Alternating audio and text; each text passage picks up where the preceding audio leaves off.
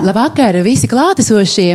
Lielas paldies, ka jūs esat pagodinājuši šo neformālo diskusiju ar savu klātbūtni. Es burtiski divos vārdos pateikšu, kam tas ir par godu un, un ko mēs no šī vakara sagaidām. Proti, e, izdevniecībā Kāla raksti, ko es pārstāvu, e, augusta mēnesī mēs izdevām grāmatu par Robertu Šūmani, kas tā arī saucas Roberts Šūmanis Eiropas tēvs. Un e, mums kā kristīgai izdevniecībai šis nu, cilvēks daudzējādi kļuva par kā tādu kā nu, kristiešu, arī politiķu un arī vispār sabiedriski aktīvu cilvēku ideālu. Un šķita pēc šīs grāmatas iznākšanas, ka ļoti gribētos, lai vēl būtu arī, protams, es galīgi nepretendēju uz to, ka mēs tagad pazīstam Šūmanu un citi nē, bet tomēr gribējās, lai viņa vārds izskan vēl plašāk. Un, eh, un eh, gribējās arī sagaidīt, vai tikpat nozīmīgs un liels cilvēks eh, Šumanis šķiet citiem. Un, To arī, protams, ceram sagaidīt no šī vakara runātājiem.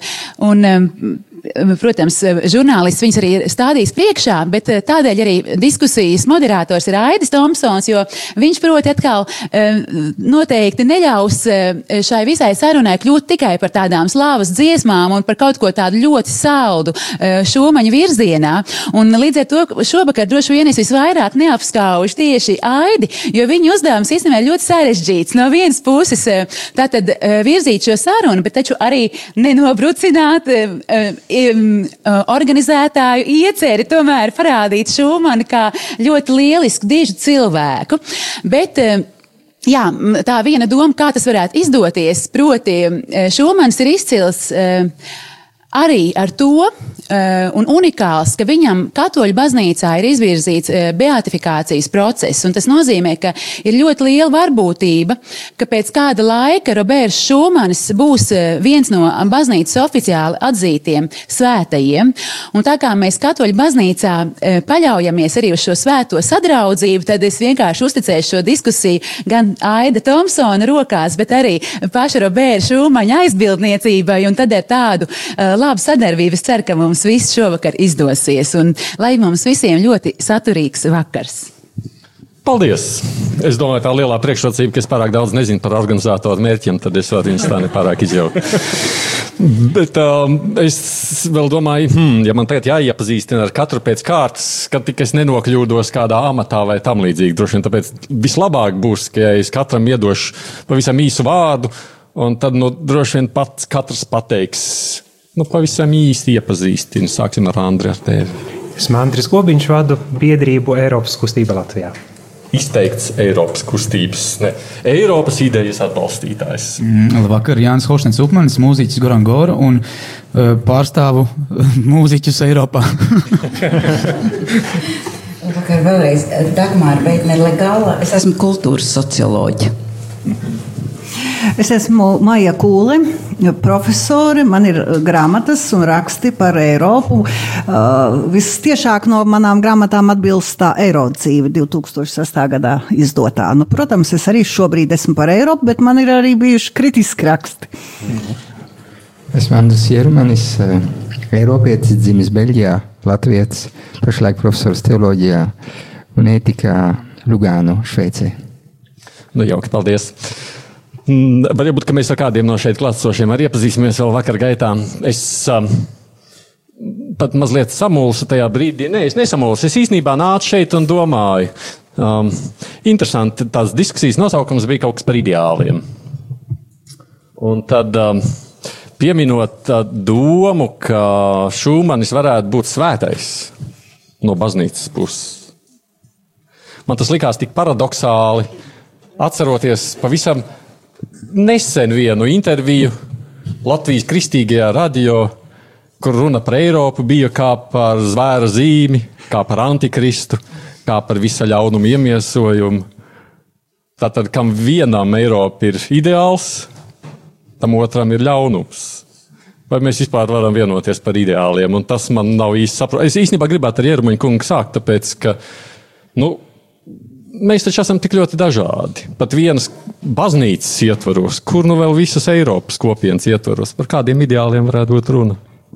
Paldies, ka eh, mēs esam sanākuši kopā. Es gribētu iesākt ar vienu izte, ar izteicienu, ko Anna Ārens, slavenā filozofe, ebrejiete teica, kas nedomā, tas kļūst par, par, par barbaru, par, par mežoni. Un, un šodien mums ir ļoti neziņa arī par mūsu saknēm. Mūsu kultūrālā apziņa, no kurienes mēs nākam, kam mēs piederam, šī piederības sajūta ir tā, kas mums traucē arī atrast vienotību ap dažām būtiskām idejām.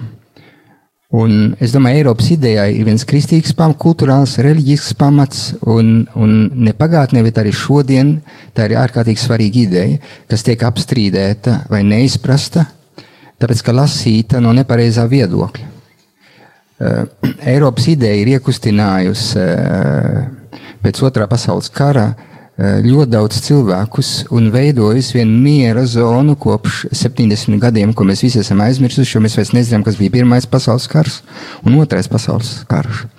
Un tādā kontekstā, globalizācijas konteksta laikā, mēģināt atrast kaut ko, kas mūs vieno, un ne tikai polemizēt un celt, celt mūrus, Tas ir viens ārkārtīgi būtisks ideāls, eh, bet tajā pašā reizē nezaudējot savu identitāti. Un tie, kas pasvītro vairāk savu identitāti, vai tie, kas vairāk pasvītro vienotību, nonāk eh, sadursmē. Tas nozīmē konfrontācijā. Bet šodien atrast to pareizo līdzsvaru ir tas vislielākais izaicinājums. Tad ir tie, kas no ārpuses nevēlas Eiropu. Un, un ir daži iemesli, kāpēc nevēlas Eiropu. Viens no tiem iemesliem ir, ka nevēlas demokrātiju. Eiropa kā tāda ir demokrātijas šūpulis. To aizmirst, tas nozīmē uh, vienkārši nezināt mūsu saknes. Tas nozīmē izvēlēties totalitārismu. Un pasaulē demokrātija jau nav tā, kas visiecienītākā no visām sistēmām dotajā brīdī.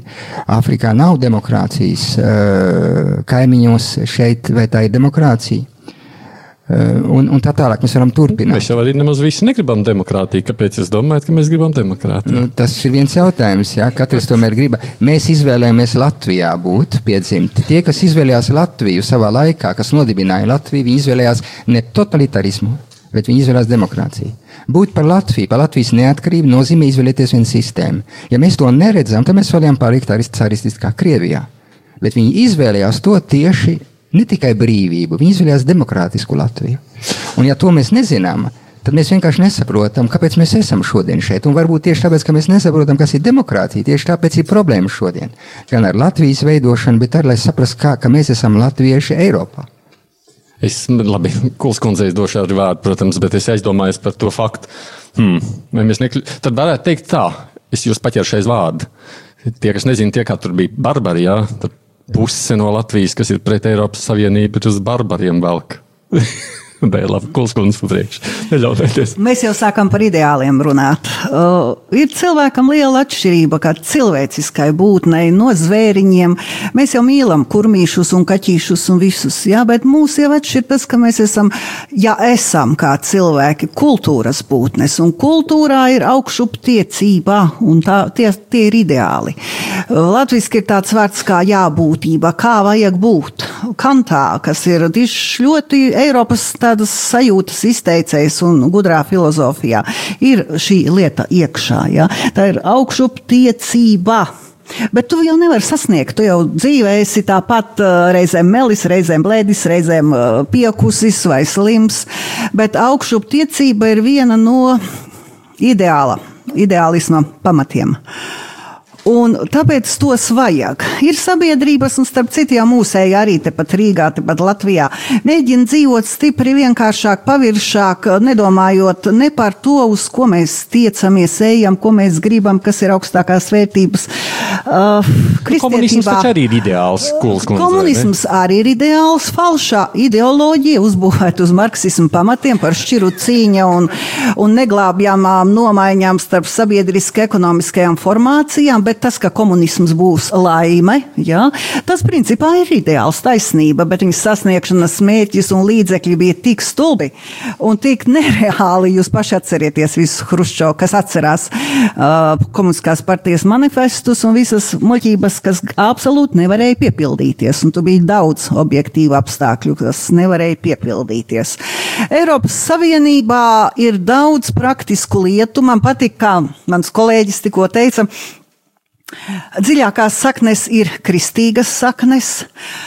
Un ap šito jautājumu mēs ņemamies izmisuši, ne jau mēs, bet Brisele un tie, kas virzīja līgumu par Eiropas konstitūciju un otro paragrāfu, vai tad nu to kristietību minēs, vai tad nu neminēs. Es, es kaut kā iekšēji arī toreiz brīnījos. Varbūt, ka cilvēkiem politiķiem liekas, ka tas nozīmē atdot varu baznīcai. Tātad Briselē nebūtu Eiropas komisija, bet nu uz Briseli pārceļās Vatikāns vai kaut kas tāds, un tad tā ir Eiropas Savienība. Ar filozofu savu redzesloku skatoties. Kristietība tas ir daudz kas savādāks, tas ir dziļāks. Tā jau tur netiek domāta taisna baznīcas svara. Bet visi šie dzīves izjūtas principi, tā augšuptiecība, tas ideāls, tas, ka tu neesi mērkaķis. Uh, jūs teicāt, te pusē barbaru, jā, un te daļa mērkaķu, jā, droši vien. Uh, droši vien tāpēc, ka nav šīs izaugsmes tiecības. Un, un kristietība mūsos ir pat iekšā tādos tādos, tā mēs vismaz filozofijā stāstam, kultūras vēsturē, tādos izjūtas momentos, ka mēs dzīvojam lineārajā laikā, ka mēs ejam laikā uz priekšu, ka Jēzus Kristus nomirst vienreiz. Jūs dzirdat šo vārdu vienreiz par mūsu grēkiem.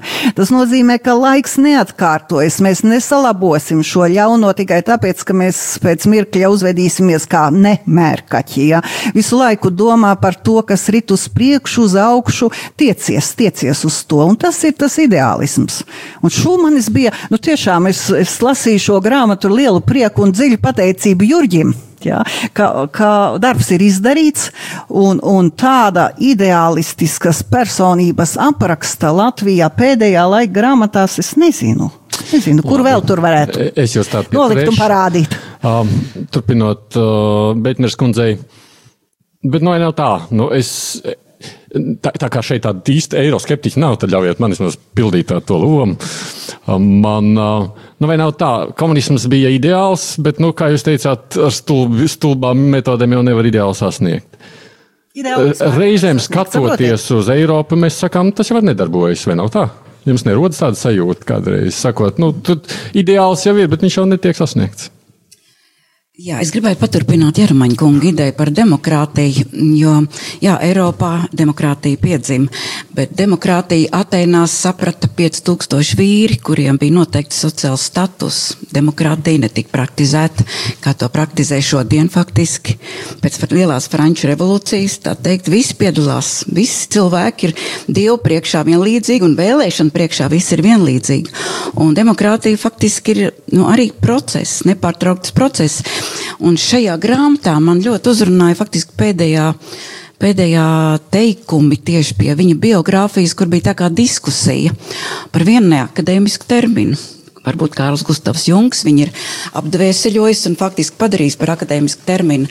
Bet tur bija jautājums, kā tikt atpakaļ pie Eiropas dvēseles. Ir tāda sajūta, ka Eiropa ir pazaudējusi savu dvēseli. Un, eh, manuprāt, tas ir jautājums ļoti dziļš un ietilpīgs, kas ietver gan pārdomas par to, kā mēs šodien saprotam demokrātiju. Varbūt Alvīm Hermanim ir taisnība, varbūt ka katram nav jāpiedalās vēlēšanās, ja viņš savu balsu var dot par šņabļu pudeli. Tā nav vairāk demokrātija, manuprāt. Un, un tas ir pārdomu vērts. Vai tomēr, jo es gribētu, lai mēs ļoti asi par to diskutētu šodien, jo tikai tā mēs varam to dvēseli saglabāt, ja mēs ļoti asi šovakar par to nerunājam, kur ir paiets garām kādām pieturām mūsu vēsturē, vai tie ir 60. gadi, kas parāva vaļā ļoti daudz jautājumus un procesu vēsturē, ar kuriem mēs šodien mēģinām tikt skaidrībā, vai Vai tas ir saistīts ar Eiropu, kā Eirāzijas, ja tā padomā, vienu nelielu daļu no milzīga kontinenta, bet tas nelielais kontinenta apendiks, kā viņi pat sauc, ir faktiski mainījis un iespaidojis visu pasauli. Tā ir mūsu milzīga atbildība. Nu, labi, mūziķim dosim vārdu. Kas gribētu kaut ko sacīt, jā, piebilst? Es gribēju teikt, ka eh, paši grieķi pasvītroja, ka demokrātija ir, ir bīstama sistēma, ja cilvēki nav izglītoti un eh, ja nepiedalās tajā tēlā. Bet eh, jums ir cita iespēja, vai cits ceļš. Un, un nozīmē, tas nozīmē, ka mums šodien jāatgriežas pie kultūras, lai veidotu šos cilvēkus. Ir traģiski, ka mēs arī nesaprotam, mēs runājam tagad par Katalūņu. Bet, ja iet pētīt, tad mēs redzam, ka īstenībā pusi no katoļiem vai vairāk, pat pēc pēdējām apjaujām šo nedēļu, ir pret neatkarību. Uh, bet žurnālisti nemaz nepiemina, nepiemin, ka puspartijas, tas nozīmē, uz tām balsīm pirms uh, diviem gadiem bija vēlēšanas tikai trīs partijas, kuram ir 75 uh, deputāti uh, tajā var, tas nozīmē, senātā uh, 75 uz 130 bija par neatkarību. Un tas nozīmē, viena daļa arī pret neatkarību. Tas ne, nevar 50 vai 4, uh, uzspiest visiem savu viedokli. Tas nozīmē, demokrātija pieprasa atbildību atbildību. Demokrātija bez atbildības tā nav demokrātija. Vai? Mēs te runājam par galvenām idejām, kas veidojas Eiropā. Viena no būtiskām idejām, kas nāk no kristīgām saknēm, ir cilvēka cieņa. Mēs esam to visu aizmirsuši. Cilvēka cieņa, atbildības izjūta, solidaritāte. Un, un demokrātija iziet no tuvāk mīlestības. Nu, jā. Tāpēc Šumans runā, ka tas ir ierakstīts evaņģēlijā, cienīt otru cilvēku arī politiskā līmenī, uzskatīt otro par vergu. Kristieši izjauca visu Romas impēriju pakāpeniski tieši nostādoties, iestādoties tieši pret verdzību. Un tas notika pakāpeniski, tāpēc atklāja, ka katram cilvēkam ir sava cieņa. Ne jau tas nozīmē, ka mēs uh, vēsturē uh, tā laiku cilvēki vienmēr ir uzvedušies pareizi. Vienmēr ir bijušas krīzes. Mēs esam aizmirsuši praktiski, ka, cilvēkiem ir sava cieņa. Mēs cīnāmies par to. Un es domāju, ka uh, dzīve ir process, un, un politika ir process, un ļoti daudz lietas ir izdevušās Eiropā. Uh, 70 gadu miers, savest kopā cilvēkus. Labklājības līmenis ir sasniedzis tādu līmeni, mēs to aizmirstam. Arī visi latvieši, kas bļauj eh, pret to, ka visi iet slikti, viņi šodien visi dzīvo daudz labāk nekā 45. gadā, kad mans teica, izceļoja no Beļģijas uz Beļģiju, dzīvoja un, un kā profesors brauca ar riteni uz darbu. Šeit jau 25 gadu cilvēks grib ar mašīnu braukt, grib uz atvaļinājumu braukt. Tajā brīdī neviens to nedarīja. Tas nozīmē, mums jāsaprot, ka mēs uzbrukam Eiropā. Kādā vārdā mēs uzbrukam Eiropā? Nu jā, vienīgais es, no manas puses tā replika ir demokrātija, tad, kad vairākums par kaut ko vienojas. Es lasot arī šo šūbaņu grāmatu, saprotu, tajā brīdī vairākums nepavisam nebija gatavs vienoties par Eiropu. Tas notika nu, tā, izlienot cauri adatas aci pa citām pusēm, nerēķinoties ar vairākumu viedokli, bet ar ideāliem tikai. Bet es gribēju jautāt, nu, ja, ja tev prasītu, nu, kas tavuprāt tad ir Eiropas nezinu, vērtības vai ideālus, ko tad, kāpēc tas ir tā vērts? Nu, te jau, protams, arī stāsta par uh, vēlamo un esošo. Un es atceros to dienu, kad es gāju balsot par. Es tikko biju iegūst balstiesības. Viņš tā strādā. Uh, gāju balsot par e iestāšanos Eiropas Savienībā. Un uh, tajā brīdī, protams, tās expectācijas ir ārkārtīgi lielas, un tev šķiet, ka viss tūlīt mainīsies, un, un kāds tagad nāks mums palīdzēs, un mūs tagad vilks laukā. Bet ar laiku tu saproti, ka katrs no mums, kas ir Eiropas pilsonis, viņam ir jābūt līdzdalīgam No Eiropas Savienība nav kaut kāds mākonis, kurā mēs dzīvojam. Tā ir būtībā liela savienība, kurā katrs no mums ir līdzdalīgs. Un, un, un pēkšņi tu saproti, ka tas ir darbs, un ka tas ir nevis tev pa brīvu tagad salabos ceļus un tev pa brīvu kaut ko dos, bet ka ir nepieciešama ļoti liela ieguldīšanās. Bet tajā pat laikā es trīs pus gadus nu jau esmu tētis, un Un mēs mājās pildām tādas uh, funkcijas kā labais policists un sliktais policists.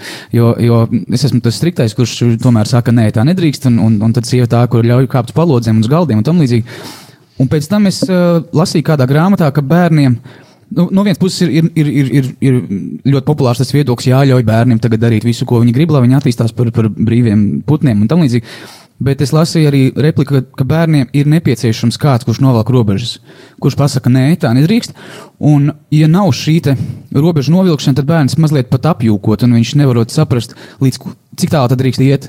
Un es domāju, tādā Eiropas kontekstā, ka šobrīd notiek gan, gan ar bēgļu krīzi, gan, gan ar tādu diezgan lielu haosu vispār šajā, šajā, šajā, šajā brīdī, es domāju, jā, ka te pietrūks mazliet stingrības Bet, protams, jautājums ir, kurš uzņemsies šo sliktā policista lomu.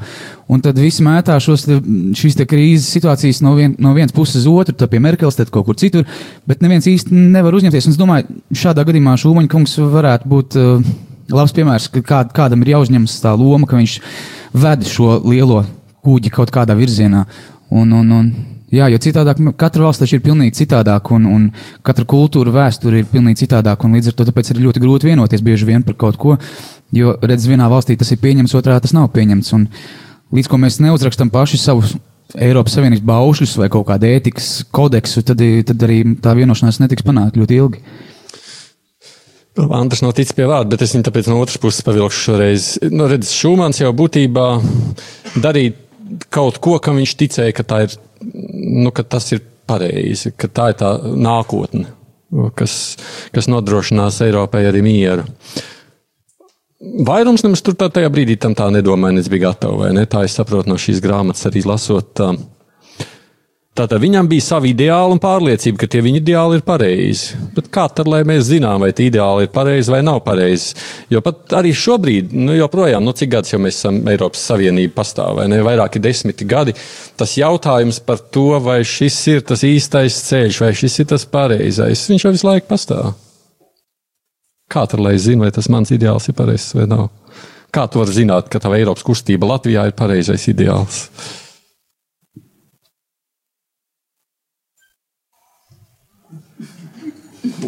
Ui. Pārāk grūts jautājums. Mm. nu, vai pareizs vai nepareizs, viņš, nu, mana biedrība man ir pareiza. Un daudziem cilvēkiem, kas šajā biedrībā ir iestājušies un viņi savulaik izveidojušies. Vai viņi visiem ir pareizi? Nu, ļoti šaubos. Ir ļoti labi. Un viens no lielajiem trūkumiem Latvijā savulaik bija, tā, ka bija atgriežoties pie referenduma, bija tas, ka, ka īstenībā nebija neviena, kas bija pret eh, Latvijas dalību Eiropas Savienībā. Un vienmēr Nu, daži tādi nu, ne īpaši nopietni. Nu, piedodiet man. Nu, balsojums jā, nu. jau nu rādīja, ka bija diezgan daudz, kas bija pret. Bet tas, tas pirmais, ko vienmēr auditorijā man uzdeva jautājumu, Andri, mēs zinām visas tās labās lietas. Tās var nestāstīt. Ja? Pasak mums, kas ir slikts pie tās Eiropas saimnības. Nu, pilnīgi skaidri mēs zinām, ka nav nekad nevienas lietas, kas ir tikai labas vai tikai sliktas. Nu, pastāst mums, kas ir tās sliktās lietas. Man nebija problēmas. Vienmēr arī sāka ar tām lietām, kas, manuprāt, nu, ir tādas, kas ir nu, būtiski jāreformē, kas ir jāmaina. Uh, Eiropas kustība nav tāda, kas uzskata visu par leputriju vai, vai paradīzi vai tādu, un mēs diezgan smagi strādājam pie Eiropas uzlabošanas, Latvijas iespēju uzlabošanas Eiropas Savienībā. Esam ļoti, ļoti daudz panākuši. Patiešām Eiropas vēsturi jau kā Eiropas vēsturi esam mainījuši, parādot to, ka daži cilvēki Latvijā arī iekala skaidru ideālu ar savu redzējumu par to, kā vajadzētu vai kā nevajadzētu būt, var ļoti daudz mainīt. Un tā ir varbūt tā Eiropas burvība, ir tas, ka ir arī pretī cilvēki, kas ieklausās. Viņi dzird, ir labs, spēcīgs arguments, ir skaidrs redzējums, un cilvēki ir mieru pārmainīt, pamainīt savu viedokli vienā, otrā vai trešā jautājumā, kā mēs to esam kā biedrība piedzīvojuši.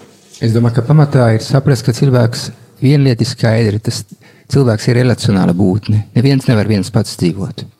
Globalizācijas kontekstā arī uh, maza kopiena kā Latvija nevar viena pati izdzīvot. Tad viņi meklē atvērties uz kādu citu un kopā uh, veidot nākotni.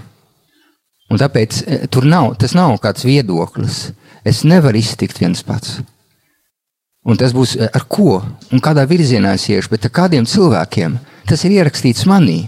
Kā cilvēkam, un šeit, kontekstā, šeit uz šīs rokas, tad es meklēju, ar kādu kopienu, kāda, kāda pieredze mums ir bijusi ar Padomu Savienību. Tāda mums ir bijusi. Viņa slikti beidzās. Mums slikti sākās. Bet mēs zinām, mēs skatāmies tur Šveici un uz Norvēģiju. Un sakām, jā, viņiem vai... ir petrolīna. Norvēģija un, un, un šveiciešiem no, ir pusi pasaules nauda mājās. Ja? No visu. Es varētu, ļoti gribētu citēt pašu Šūmanu, jo mēs īstenībā savā ziņā ar Eirmanu kungu uh, turpinām diskusiju, kas bija Latvijas radio pirms uh, nu, mēneša nepilni, kad grāmata tika izdota. Uh, Un e, toreiz bija diskusija, vai Šūmana deklarācijā, piemēram, tāpat atsauc uz dievu vai kristīgām vērtībām, kuru nu, savulaik nu, patiešām daudz cīnījās un kas, kurus daudz izjūt par trūkumu. Šis ārkārtīgi garīgais cilvēks, gandrīz jau svēto kārtā, Svētīto, nu, tas ir ceļš uz arī nākamo soli droši vien. Attiecīgi savā lielajā runās 50. gadā, kas tiek uzskatīta par pašu aizsākumu nu, visam tam, kas tālāk ir noticis un kas notiek, viņš nepiemina nec dievu, nec kristīgās vērtības. Un, bet viņš iesāk ar ārkārtīgi zīmīgu teikumu, ko ir vērts pieminēt, un īstenībā, kas mūsu, man liekas, šo cauri visu šo diskusiju, kāda mums līdz šim ir bijusi. Viņš saka, ka pirmais teikums viņam ir pasaules mieru nav iespējams nosargāt bez radošām pūlēm, kas ir samērīgas ar briesmām, kuras to apdraud. Tātad radošām pūlēm jābūt samērīgām, acīm redzot, lielākām nekā tām briesmām, kas to ap, apdraud. Un otrs, ko viņš saka, ir Eiropa neveidos uzreiz un saskaņā ar vienotu plānu. Viņš saka, to veidos konkrēti sasniegumi, Un pirmām kārtām de facto solidaritāte. Man liekas, arī viens punkts, par ko ļoti šobrīd runā Eiropas Savienībā, un kur mēs redzam, ka ir vēl ļoti daudz trūkumi. Ka jau pat pirms vairāk nekā 60 gadiem Šūmans runājot par savu redzējumu, par savu ideālo Eiropu, viņš saka, nu tur ir vajadzīgi ir patiešām tām palīdzības plecām, ka es viņu jūtu no savu kaimiņu un no Eiropas kopumā. Cik bieži mēs viņu esam izjutuši, cik bieži, cik dziļi mēs viņu esam snieguši citiem, kad ir bijis citiem kādi grūti laiki. Un šīs ir lietas, par kurām ir vērts padomāt, un kur mēs, man liekas, arī diezgan skaidri redzam tos trūkumus, kas tanī mūsdienu Eiropā vēl ir. Šumans kā personība, ja to drīkst nobeigt. Mm -hmm Man liekas, viņš ir ārkārtīgi, un kāpēc ir vērts tiešām viņu kā personību iepazīt tuvāk, ir tas, ka viņš ir ārkārtīgi mūsdienīgs politiķis.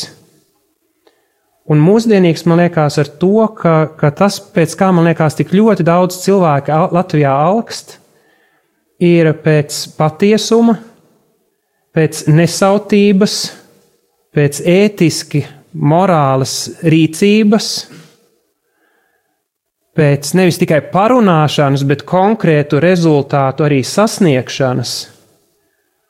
Un īstenībā viņš ir supermoderns ar to, ka viņš ir mīlestības cilvēks, nevis naida cilvēks. Ka viņš nu, piecus gadus pēc šausmīgā kara, ko viņa paša ģimene ir piedzīvojusi, viņš ir spējīgs sniegt roku sasistai, lupatā lēvaros sasistai Vācijai un teikt, Zini, es, mēs tev vinnējām, bet tas nav svarīgi. Svarīgi tas, kā mēs dzīvojam nākotnē kopā, un lai šāds karš nevarētu atkārtoties vai līdzīgs, ir jāsadarbojās. Mums jāsēž pie viena galda, jāizstrīdās par mūsu sāpīgām lietām, par interesēm, bet jānonāk pie kopēja rezultāta. Mēs tagad mēģināt kaut kādās līdzībās likt mēstību, nevis naids. Mēs teiksim tā, nevis Trumps, mēs, bet Eiropa. Mūsu gadījumā tā būtu sniegšana ropa Maskavai, piemēram. Mm, Nē. No. Ko tas nozīmē? Nē, nu, es domāju, tādā ziņā, nu, tā meklēšana par roku Maskavai. Vai mēs esam... pasniegt roku tiem, Jautājums. kas tevi darīs pāri? Jā, viņi pasniegta, jā? Viņi pasniegta. Nē, es jautāju, jā, jā. nu, tādā ziņā šeit bija tā ideja, mīlestība pār naidam. Viņi pasniegta. Vai, jā, jautājums, vai mēs kā cilvēki to novērtējam vai nē, jo man liekas, mēs jau to Eiropas ideju esam maz novērtējuši. Un te mums kaut ko paprasti, tīpaši daudziem latviešiem par Krieviem, ziniet, ko mēs dzirdam par Krieviju un vispār. Jo Cik jā, daudz jā. cilvēki spēj, kāpēc es to jautāju? Tāpēc, ka mēs iesākam ar to demokrātiju, jā. vai ne? Eiropa ir ideja kā demokrātija. Jā. Vai demokrātiski faktiski šo ideālu var aiznest līdz cilvēkiem? Vai, tā, vai tas ir ļoti grūti, vai nu, tā, ļoti, ļoti radoši, ka cilvēki spēj šo domu vispār paņemt? Ir svarīgi, man liekas, ir divas puses svarīgi. Kas e, Vācijā bija pretī, bija Adenauers, kas šo piedošanu lūdza. Un izlīguma ļoti būtiska sastāvdaļa ir tomēr abpusēja vēlme uz kaut ko labāku, kura, man liekas, lielākā daļā Krievijas tautas visnotaļ ir. Jautājums ir, nu, kā tas ir pie atsevišķiem līderiem, pie viņu retorikā un kas tiek attiecīgi darīts, kā tiek Jā. manipulēts ar es ļoti daudziem cilvēkiem. Es domāju, ka mūsu par latviešu tautu, cik mēs esam gatavi sniegt roku tiem, kam. Es domāju, tā atšķirība ir tā, kādas. Uh, par kādu mērķu auditoriju mēs runājam. Jo es esmu no tās paudzes, kura, lai arī piedzima pagājušajā gadu tūkstotī un dzīvoju šajā, es biju ļoti maziņš, kad atmos laikam man bija tikai seši gadi, līdz ar to mm, es domāju, ka tā mana 30 gadnieku paudze un iespējams arī jaunāki cilvēki, viņi jau uh, mums īsti nav ko dalīt uh, ar krieviem vai latviešiem. Mums viss ir. Uh, es gribētu nu, pārstāvēt savu paudzi, kura tomēr ir tāda ļoti pro-eiropeiska, bet arī, uh, arī ļoti atvērta arī, arī austrumiem, tādā izpratnē, ka. Mm, Es nezinu, varbūt mēs vienkārši esam tādi kosmopolītiskāki, jo pēkšņi mums tur redz, visa pasaule ir pieejama un tā līdzīgi. Līdz ar to es teiktu, ka tā, tā svarīgākais ir jau, jau pasniegt roku un, un izrādīt to, ka tu gribi izturēties tālāk ar cieņu. Bet, Tāpat laikā ir kāds vienmēr, kuram ir izdevīgi turpināt kurināt kaut kādas šīs te. Mm, Ko sacīsiet, Reitneškundze? Es gribētu teikt, ja mēs par kristiešiem runājam un, un Eiropas pamatu, tad um, būt kristietim ir ļoti grūti pēc būtības, jo tas nozīmē, sekojot Kristus idejai, mīlēt savu ienaidnieku. Un tas nu, ir, manuprāt, vienam cilvēkam ļoti grūts uzdevums. Tas ir ļoti grūti. Bet, un atkal, bet kultūra vienmēr ir, un, un sabiedrība un vēsture ir paradoks pilna ka ir vienmēr kaut kāda iespēja cilvēcībai. Ja mēs paskatāmies, vienmēr ir iespēja. Un tur, kur viņi parādās, tur uzvar nu, tas Kristus gars, faktiski caur kur ir nākusi Eiropa vēsturē. Kā, kā tas bija vispār iespējams? Un, um, nu, tā dziļi par to domājot, es faktiski lasīju un visu laiku domāju līdz uh, viņa, viņa cilvēciskai būtībai, tai pētot teiksim, apziņas jautājumus. Ļoti daudz klausījos lekcijas, ko psihologi un neirologi raksta. Un viņi saka, ka gan individu smadzenēm, tad mūsu apziņai, gan arī sabiedrībai kopumā, jo ko līdz mēs nokļūstam kaut vai šādā grupā, mēs veidojam jau kolektīvās smadzenes šajā brīdī. Un, um, Tajās ir gan uh, ļoti fleksibli posmi, un ir tādi ļoti konservatīvi posmi. Un ka viņiem ir vajadzīgs miksēties, jo tur, kur m, ir pārāk fleksibli, tie pakļaujās visam, vai kur ir ļoti stingrie šie posmi, tādi konservatīvie, nemainīgie, tur atkal uzplauks totalitārisms un tur ir tāds, nu, kā varētu teikt, acis pret to, acis zobu pret zobu, jo kristietība jau ienāk faktiski ar, ar vienu neiedomājamu piedāvājumu cilvēkam, ja tev iesik pa vienu vajag pagriez otru. Un ar to domu, ka ar šo žestu es otram kaut ko iemācu vai kaut ko parādu. Es viņu mēģinu ļoti dziļi uzrunāt. Bet, ja saprot, es vienmēr saku, vislabākais violnieks, ja viņš spēlē kurlai auditorijai, cilvēki, kas nedzird, nenotiek kontakts. Un, manuprāt, svarīga lieta ir komunikācija, sarunāšanās. Sarunāšanās privātā līmenī, arī politiskā līmenī. Un es redzēju, esmu, esmu vienu dokumentālu filmu, kur viņš ir parādīts kā izcils diplomāts, kad viņš zināja, kurā brīdī jāsāk ar kuru runāt. Un tā arī ir tāda, ziniet, gudrība, ko es gribētu sev arī, lai man viņa būtu ikdienā un sadzīvē, un cik viņa ir nozīmīga politikā. Šeit ir mūsu politiķis Ilmārs Latkovskis arī. Man ļoti prātā ir viņa izteiktā doma augustā sarunā jūlijā par to, ka cik godīga politika tiek pieprasīta sabiedrībā, vai tā ir pieprasīta, vai, vai sabiedrība apzinās, ka viņi grib šo sapratni un, un grib nu, Tad, respektīvi, ko mēs raidām, vai kāds ir gatavs to satvert? Es domāju, ka Eiropas ideja, būt par Eiropas ideju, tas nozīmē, vai kļūt par šūmani, nozīmē kļūt par izlīkšanas cilvēku. No kurienes nāk šūmans, tā ir Alzasa, un viņiem bija jāpiedzīvo izlīkšanu. Un ko tas nozīmē konkrēti? Es esmu šodien par Eiropu, es esmu par izlīkšanu ar Latvijas sabiedrībā, es esmu par izlīkšanu ar citām tautām Eiropā bet eh, tas nozīmē, es neesmu par iznīcināšanu. Izlīgt nozīmē respektēt otru, un, un tas ap, apusēji.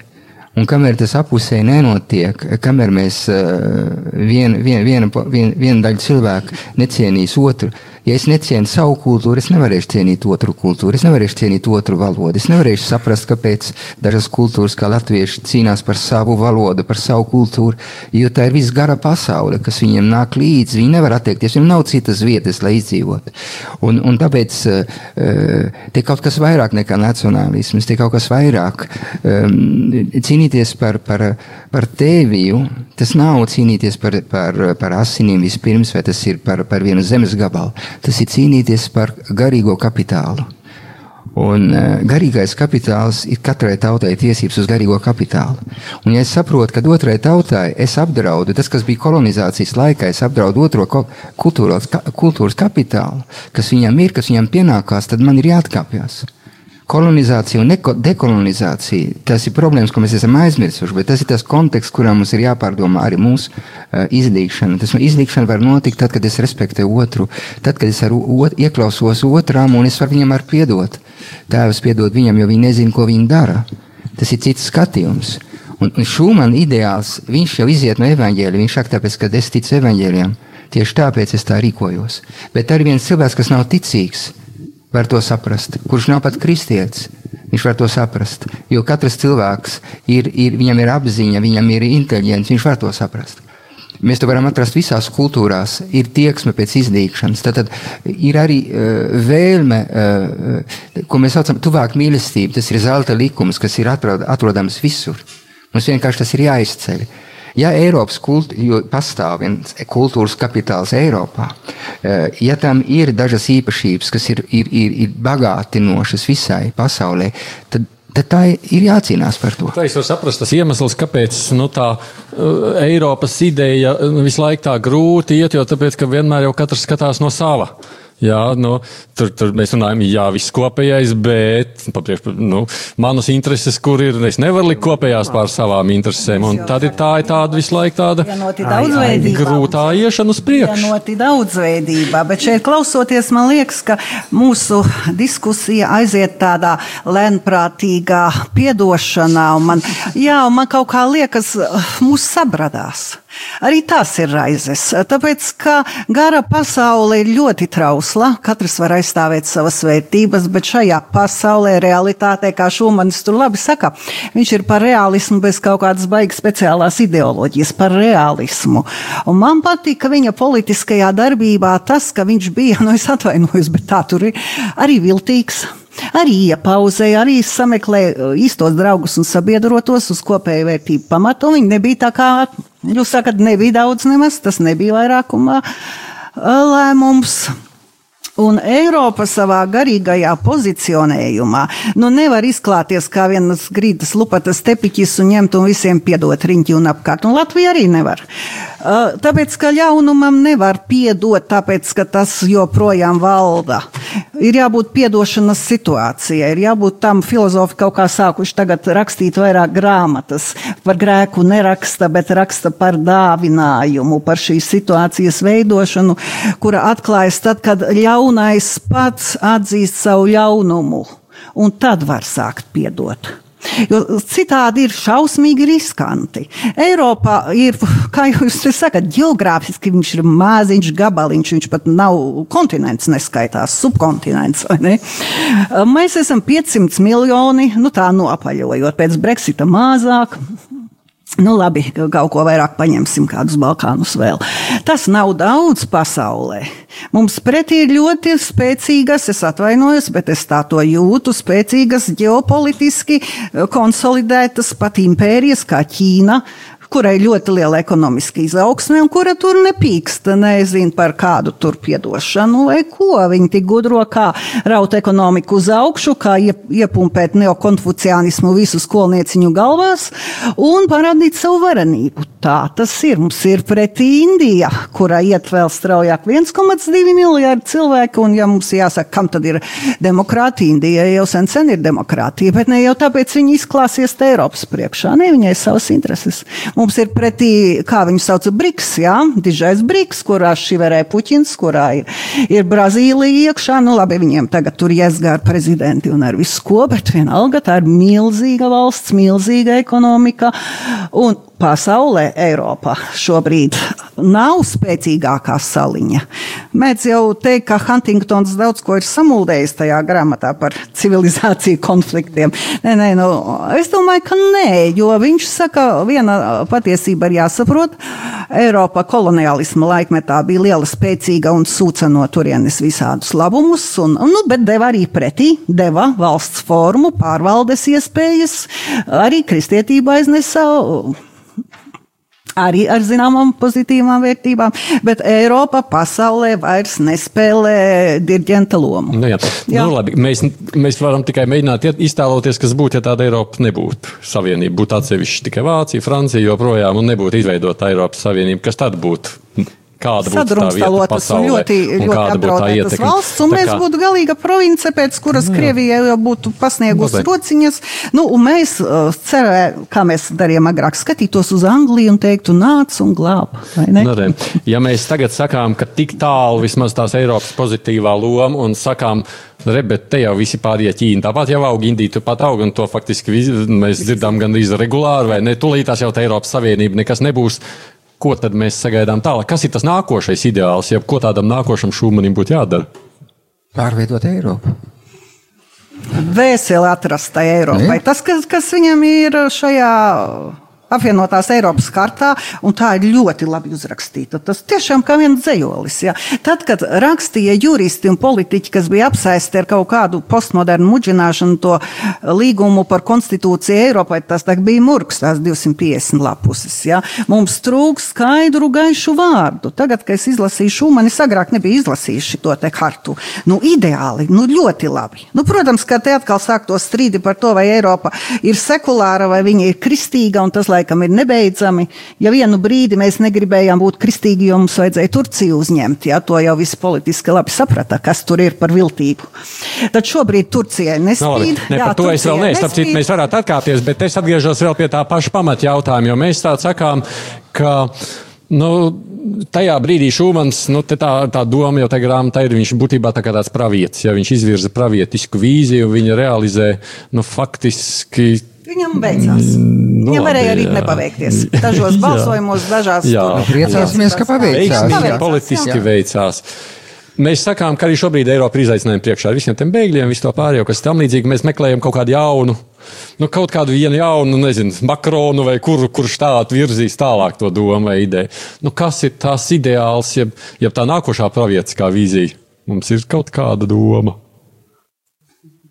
Nu, šeit nav, šeit, šeit nav praviešu. Teiktu, jā, jāskatās tādā pašā Š- Šumanā, ko viņš ir, ir runājis. Jau vienu minēju solidaritāti, lielāku, dzīvāku solidaritāti. Tas attiecās gan valstu starpā, reģionu starpā, arī individu starpā. Nu, kāpēc mums Latvijā jādzīvo ar vislielāko plājusu starp bagātiem un nabagiem? Nu, arī te, nu, vai, tā, vai tā ir tāda Latvija un Eiropa, kādā mēs vēlamies dzīvot? Manuprāt, tā, tāda viņa nav. Nu, paskatāmies tālāk, ko saka Šumans. Šumans saka jau 50. gadā, ka Eiropas viens no cēliem mērķiem un īstenojamiem mērķiem ir gādāt par Āfrikas kontinentu attīstību. Būtu mēs mazliet, varbūt agrāk viņu palasījuši, un mazliet vairāk varbūt padarījuši tur, kurš cilvēks, piedodiet, man brīvprātīgi pamet savus mājas. Nu, atsevišķi varbūt labumu meklētāji vienmēr būs, bet ne jau, piedodiet, man miljonu cilvēku skaitā. Tas ir karš, tas ir ekstrēms posts, kas šos cilvēkus, nu, viņ, viņiem nedod iespēju citu kā pamest savus mājas. Ļoti, ļoti daudzos gadījumos ieklausāmies, ko Šūmans saka. Ko Šūmans vēl runā? Viņš runā par starptautiskiem karteļiem. Dažādu nu, lielu uzņēmēju dominants pār politiku, pār idejām, pār to, kas ir sabiedrības interesēm. Tur ir diezgan daudz lietas minētas, kuras nu, druscītiņi nopietnāk palasot. Ja, mēs varētu viņus īstenot, ieskatāmies arī oficiālos Eiropas līgumos, kas pēc tam jau bija šī šūmana ideju juridiskais piepildījums, nu, tā tie reālie soļi. Arī tur ir ļoti daudz runāts par to, kādā veidā ir patiešām šiem Eiropas kopīgām vērtībām un idejām jābūt pamatā. Par ekonomiku tiek daudz runāts, bet, nu, piedodiet, Eiropa nav tikai ekonomisks projekts. Tanī brīdī, ja mēs runāsim tikai par naudas dalīšanu, pārdali un, un vēl tur kaut ko, kurš tur maksās, vēl tur kaut kas maksās, aizmirsīsim savus ideālus un tirgosimies ar pašu vēlnu un pārdosim viņam nu, šaujamo, ar ko mūs pēc tam nošaut. Nu, pie tā paša Marks atgriežoties. Ja? Nu, tad mēs eh, paši pēc tam varēsim brīnīties, kādā pasaulītē mēs dzīvosim. Skatāmies, ko ir teikuši gudri cilvēki toreiz, skatāmies, vai tās lietas vispār ir īstenotas, skatāmies, vai mēs tos solījumus, ko mēs esam sabiedrībā devuši, līgumus slēdzot, vai mēs tos ievērojam. Vai mēs paši viņus ievērojam? Nu, Latvija diezgan daudz ievēro, bet vai ievēro citi Eiropā, tāpat Vācija vai Francija, no viņa, cik stingri viņi uzrauga savus eh, finanšu kustības, vai viņi, cik viņiem liela parādu nasta ir, vai tā atbilst māstrītas kritērijiem un tā tālāk. Nu, paši ņemam sevi druscītiņi nopietnāk, darām to, ko mēs sakām, Un jau mēs būsim, varbūt mums nemazām tā jaunā, vī, jaunā vīzija nav vajadzīga. Katrs jaunais ir labi atklāts uh, vecais. Ja? Nu, varbūt te viņš patiešām arī ir. Un, ziniet, man ir tomēr jāiebilst kolēģiem. Man te ir jāpaprovocē, jo tu mūs provocē, bet tu saki, nu, pagaidi, mēs, kāpēc mēs nesniedzam roku? citu cit tautību pārstāvjiem Latvijā. Piedod man, cik revanšistus tu savā dzīvē esi Latvijā saticis? Tādu, kam nu tik tur tā, zina, tās augst pēc tām asinīm. Nu, bet viņus uz dažu roku, pirks, roku un kāju pirkstiem var saskaitīt tie, kas ir tādi redzamāki. Nu, tur vēl tur daži līdzskrējēji attiecīgi ir, bet nu, tas skaits ir gaužām maziņš salīdzinājumā ar tiem cilvēkiem, kas kluši, klusi, kuros klusi turpinās ciešanas un pāridarījumu sajūtas. Un arī nu, šī sakarībā man liekas, tie cilvēki, kas ir visgaišākie un, un, un, un ir tie, kas ir vislielākos pārdarījumus piedzīvojuši. Lasmans kundze, kas nodzīvoja Sibīrijā cik gadus, man pašam, mana vecās mātes masīts, kas Sibīrijā nodzīvoja. Tie ir cilvēki, kas ir vismīlestības pilnākie, viss mazāk, tā, visvairāk no naida atbrīvotie cilvēki, kurus es pazīstu. Tur ir apskaidrība, tur ir ideāls, tur ir redzējams, un skatāmies uz tiem cilvēkiem, ņemam viņus par, par, par saviem ideāliem, augstam pie, pēc viņiem un prasām arī no saviem politiķiem, no citiem līdzīgus standartus, kādus mēs viņus izvirsām, cerams, arī paši pret sevi katrs. Un to mēs redzam pie Šūmana, ka ir iespējams politika arī ētiski, morāli cēlos mērķos viņu noturēt. Politikā svētums ceļš, tā grāmata jau ir vienreizēja ar savu nosaukumu, ja? bet vai šodien politika ir kā svētuma ceļš? Mēs, esam, mēs kritizējam politiku, poli, partijas maina vārdus, bet īstenībā mēs esam pelnījuši tādu politiku, jo mēs jau nobalsojam par tādiem politiķiem. Un, uh, tas nu, vienkārši parāda, kādā līmenī mēs paši esam. Bet tas arī aiz, šī grāmata ir aicinājums paši piedalīties politikā. Tas nozīmē atbildīgi iesaistīties. Pat, tu negribi tādu Latviju, nu tā pārmaini tādu Latviju, tu negribi tādu Eiropu, pārmaini tādu Eiropu. Bet ne, ne, nestāv klusu. Uh, un tas ir tas, tāpēc tā grāmata ir svarīga. Nestāvi klusi, jo demokrātija pieprasa atbildību. Te tas ir rakstīts. Atbildības izjūta. Un nepretstatīvi vienam otram. Nesakt, tu tikko teici, tu kā mūs provocēji. Protams, tas tavs uzdevums, ja, bet tu saki, oi, tur katrs vēl to, to sedziņu uz savu, savu pusi. Paga, bet nu, tādā brīdī, kur mēs to, to nu, sapratīsim, ka pasaule viss ir tikai tāda cīņa, nu, tad beigās mēs arī tādā pasaulē dzīvosim. Manuprāt, ir, nav pretrunas no tā, ka es esmu hospitāļa ielas iedzīvotājs un, un lielo kapu milzīgs fanāts un, un aizstāvis un, un fans.